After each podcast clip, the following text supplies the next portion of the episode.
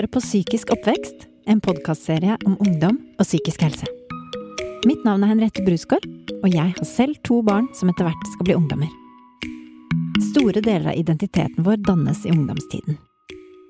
Det skjer mye både inni oss selv, men også i omgivelsene og med relasjonene vi har, som er med på å forme hvem vi blir, og hvem vi identifiserer oss som. Men hvordan former ungdom identitet?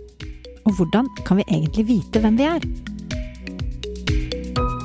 Jeg liker i hvert fall å tenke at man i stor grad blir født som et blankt ark, og så blir du påvirket gjennom livet, og så endrer identiteten din seg ut fra det.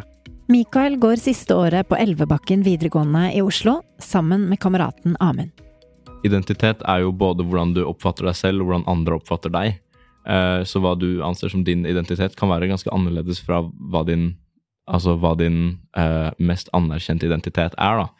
Eh, og identitet føler jeg omfatter både meninger, uh, tanker, til en viss grad utseende. Uh, og ja, det handler om oppfatning da, av deg selv, enten det kommer fra deg eller andre. Hvordan kan vi vite hvem en er? Og det er jo gjerne noe vi ikke finner ut helt og fullt noensinne. Per Einar Binder er psykolog og professor i psykologi. Han har skrevet boken Hvem er jeg? Om å finne og skape identitet.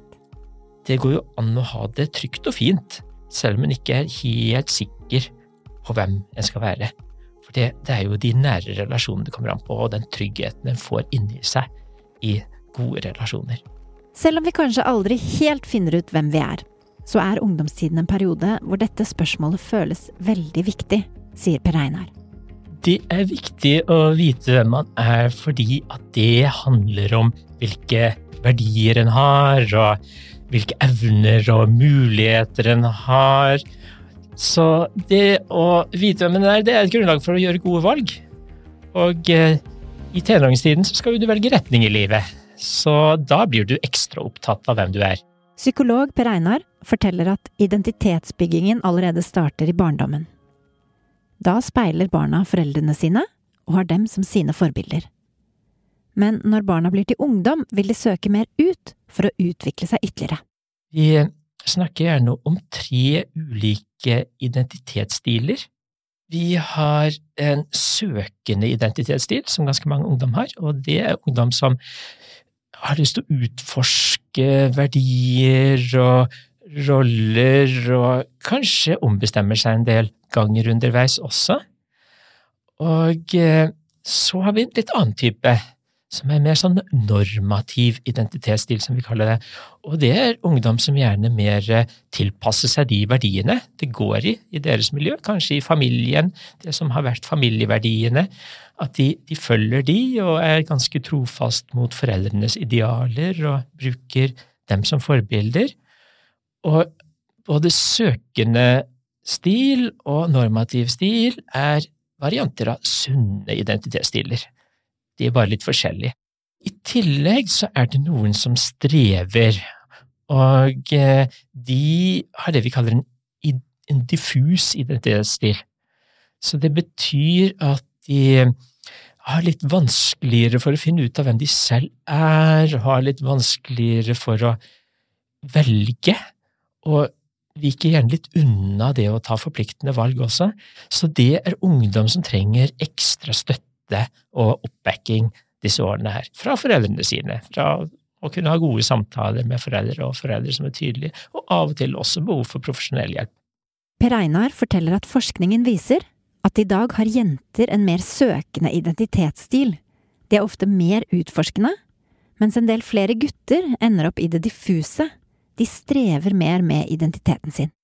Det er jo slik at jenter klarer seg litt bedre nå, på skolen særlig, og eh, at det er kommet forventninger til ungdom som kanskje passer litt bedre for jenter, bare det å sitte lenge i ro om gangen.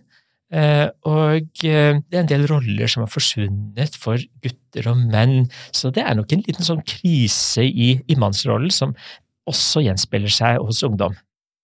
I tillegg til disse identitetsstilene og det som skjer inni ungdommen selv, er det også ytre faktorer som påvirker hvem vi utvikler oss til å bli. Det handler om å utforske hvilke mennesker, forbilder og mulige rollemodeller vi har rundt oss. Jevnaldrende betyr ekstremt mye. Hvilket miljø er det som er tilgjengelig her? Er det et miljø som akkurat denne ungdommen kan passe inn med sin måte å være på, med sine sterke sider? Og hvordan blir ungdommen da speilet tilbake, er eh, kjempeviktig. I tillegg er det også slik at ungdom gjerne leser romaner, noen av de, ser filmer, mange av de, hører på musikk, sånn at en utforsker ulike former for kunst, egentlig, men det er ofte det vi kaller populærkultur. En identitetskrise handler om at man strever med å finne ut av hvem man er. Og hvis du har opplevd det, vet du at det kan føles ubehagelig. Når vi hører ordet krise, tenker vi ikke først og fremst at det er noe positivt, men ifølge Per Einar er en identitetskrise helt normalt, og faktisk ofte nødvendig.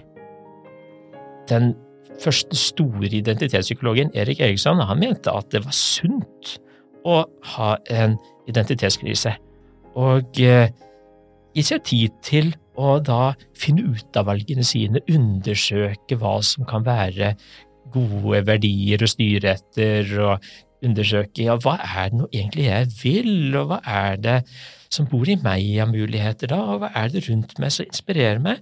Så det er i utgangspunktet sunt, bare en klarer å møte det på en, en sånn måte. Det kan jo òg være at en ikke helt finner ut av det og, og, trenger mer hjelp, og da er det viktig å ha stød, stødige personer å, å snakke med. Det er det jo egentlig uansett, men da blir det ekstra viktig. For unge kan for eksempel det å bytte skole eller å gå fra ungdomsskole til videregående utfordre identiteten. Jeg merket for eksempel når jeg starta på videregående, så var det et veldig annerledes miljø, og det har påvirket meg ganske mye. Så jeg er på en måte ikke den samme personen som jeg var da jeg starta i VG1, eller når jeg gikk på ungdomsskolen. Og så tror jeg det er veldig vanskelig å si eh, sånn og sånn kommer jeg til å være om fem år, fordi jeg aner ikke. Eh, og jeg tror at identiteten min kan variere veldig i, på fem år, fordi jeg aner ikke hva det er som kommer til å påvirke meg. og hvordan jeg kommer til å se ut, og hva slags verdi jeg kommer til å ha. For jeg tror det kan endre seg ganske drastisk. Så jeg vet ikke, jeg tror det er vanskelig å Jeg kan godt si at ok, jeg kan stå støtt i identiteten min akkurat nå her, men eh, at jeg kan si det samme om fem, fem, år eller ti år og si at ok, jeg kommer til å mene akkurat det samme da som jeg mener nå, det tror jeg ikke jeg kan si. Og slike identitetskriser, eller endringer i identiteten, er ikke noe som bare skjer for de unge. Som psykolog så har jeg ikke bare jobbet med ungdom, jeg har også jobbet med middelaldrende mennesker. noen kommer jo i krise når barna flytter ut, og eh, noen finner plutselig ut at det de har jobbet med, kanskje ikke var helt det de trengte å arbeide med, i hvert fall ikke resten av livet, og kommer i en krise også sånn jobbmessig. I tillegg til din personlige identitet har vi også en kulturell identitet. Det handler om følelsen av å høre til i en flokk og være en del av et fellesskap. Rutiner og tradisjoner, de er noe som ofte bekrefter eh, flokken en tilhører, og eh, de eh, verdiene en har sammen, slik at det å feire jul eller eid bekrefter tilhørighet, hvor du, hvem du hører hjemme blant. Og eh, Kulturell kompetanse er jo òg med å avgjøre din kulturelle identitet, at du virkelig forstår normene i det miljøet du er en del av, og, og det det går i der. Og eh, eh det gir jo òg mange en sånn ekstra trygghet på hvem de er og hvor de hører til, særlig hvis du har en litt normativ identitetsstil. Men en del ungdom med en såkalt søkende identitetsstil kan kjenne et behov for å bryte med foreldrenes kultur, eller den kulturelle identiteten. De vil da gjerne inn i litt andre kulturelle rammer og tradisjoner. Vi snakker gjerne om løse og faste kulturer, og i en litt sånn fast kultur så er forventningen at du er ganske normativ, at du følger det det går i i den kulturen. Eh, og eh, en del mer tradisjonelle kulturer er på den måten, og en del minoritetskulturer i Norge er på den måten. I den norske majoritetskulturen nå så er det et mer søkende ideal ganske mye.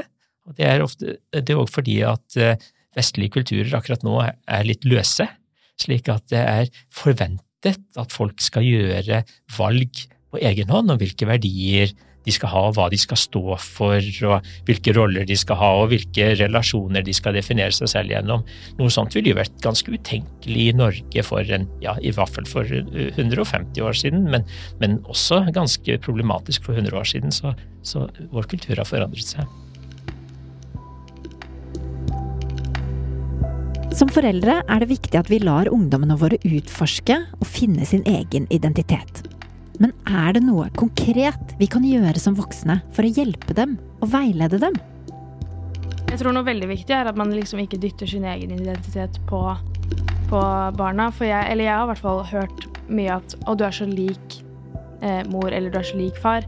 Men det er mer sånn Jeg er veldig glad for at de på en måte har fokusert litt mer sånn på utseendet, på en måte, og ikke vært sånn at de også er sånn 'du er jo forskjellig fra oss', og at man på en måte ikke fokuserer så mye på hvordan eh, hvordan barnet ditt er, da, fordi det endrer seg veldig mye. Og man vil jo sånn, Det kan jo være veldig individuelt, da, men man vil jo ikke bare være lik én person, eller man vil jo liksom være sin egen person. Eh, og så tenker jeg litt sånn at identiteten din er liksom noe du må finne ut av selv. Det, måte, det blir vanskelig hvis en forelder skal hjelpe deg med å finne identiteten din, fordi det er liksom noe man må man må jo finne identiteten sin utenfor eh, hjemmet og foreldrene dine på en måte også. Per Einar mener Emma fra Elvebakken videregående har et godt poeng. Han mener det å være en lyttende og ikke-dømmende voksen er viktig, og å hjelpe ungdommen å forstå alle følelsene som oppstår, og ta dem på alvor. Vi har jo en kultur som har så veldig lett for å sette diagnoser på alle mulige ubehagelige følelser, og ungdom trenger òg hjelp til å se og forstå at disse følelsene her er normale, at det, det er jo en del av det å være menneske. Og eh, foreldrene ja, hjelper også med å tilby stødige verdier, og samtidig da akseptere at det er opp til ungdommen å, å velge om de vil følge disse verdiene. Og det kan jo være en utfordrende side ved å være foreldre denne tiden her. Fordi at eh, ja, ungdom er ofte litt mer risikovillig også, og det gir også en balansegang. Hvor mye skal ungdommen få prøve ut selv, eh, og hvor mye skal en si fra? Og eh, det er jo sånn som foreldre må kjenne seg litt fram på, eh, for noen ting går jo greit an å gå på trynet et par ganger, ikke sant, altså det er ikke så farlig. Mens av og til så kan ungdom være i gang med ting som faktisk kan bli ganske ødeleggende for dem, og trenger da veldig tydelige foreldre, selv om foreldrene selv ikke da kan gjøre valgene helt for dem. Det at foreldre ser ungdommene sine fordi de er, mener psykolog Per Einar, er avgjørende. Det er noe 18 år gamle Amund også setter pris på hjemme. En ting eh, i min oppvekst som jeg er veldig takknemlig for, er at jeg føler at eh, foreldrene mine har behandla meg som en person, og ikke som barnet deres. Eh, om det er mening, selvfølgelig er det noen ting man ikke kommer eh, foruten. Men eh, det, å, det, å, fra en tidlig alder innse at jeg, ha, jeg kan ha egne meninger som har eh, innflytelse på andre mennesker, eh, den følelsen av eh, å være et individ, da, som er en konsekvens av å bli, ha blitt behandla som et individ, og ikke bare som barnet til foreldrene mine, Uh, tror jeg har vært med på å bygge karakter uh, fra ganske tidlig alder, som har gjort det lettere å finne egen identitet og egenverdi.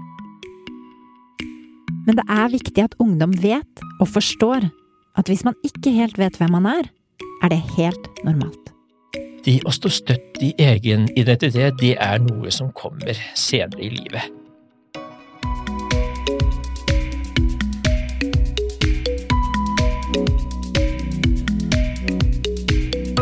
Denne podkasten er produsert av Vrang Produksjon for Rådet for psykisk helse, med støtte fra Stiftelsen DAM.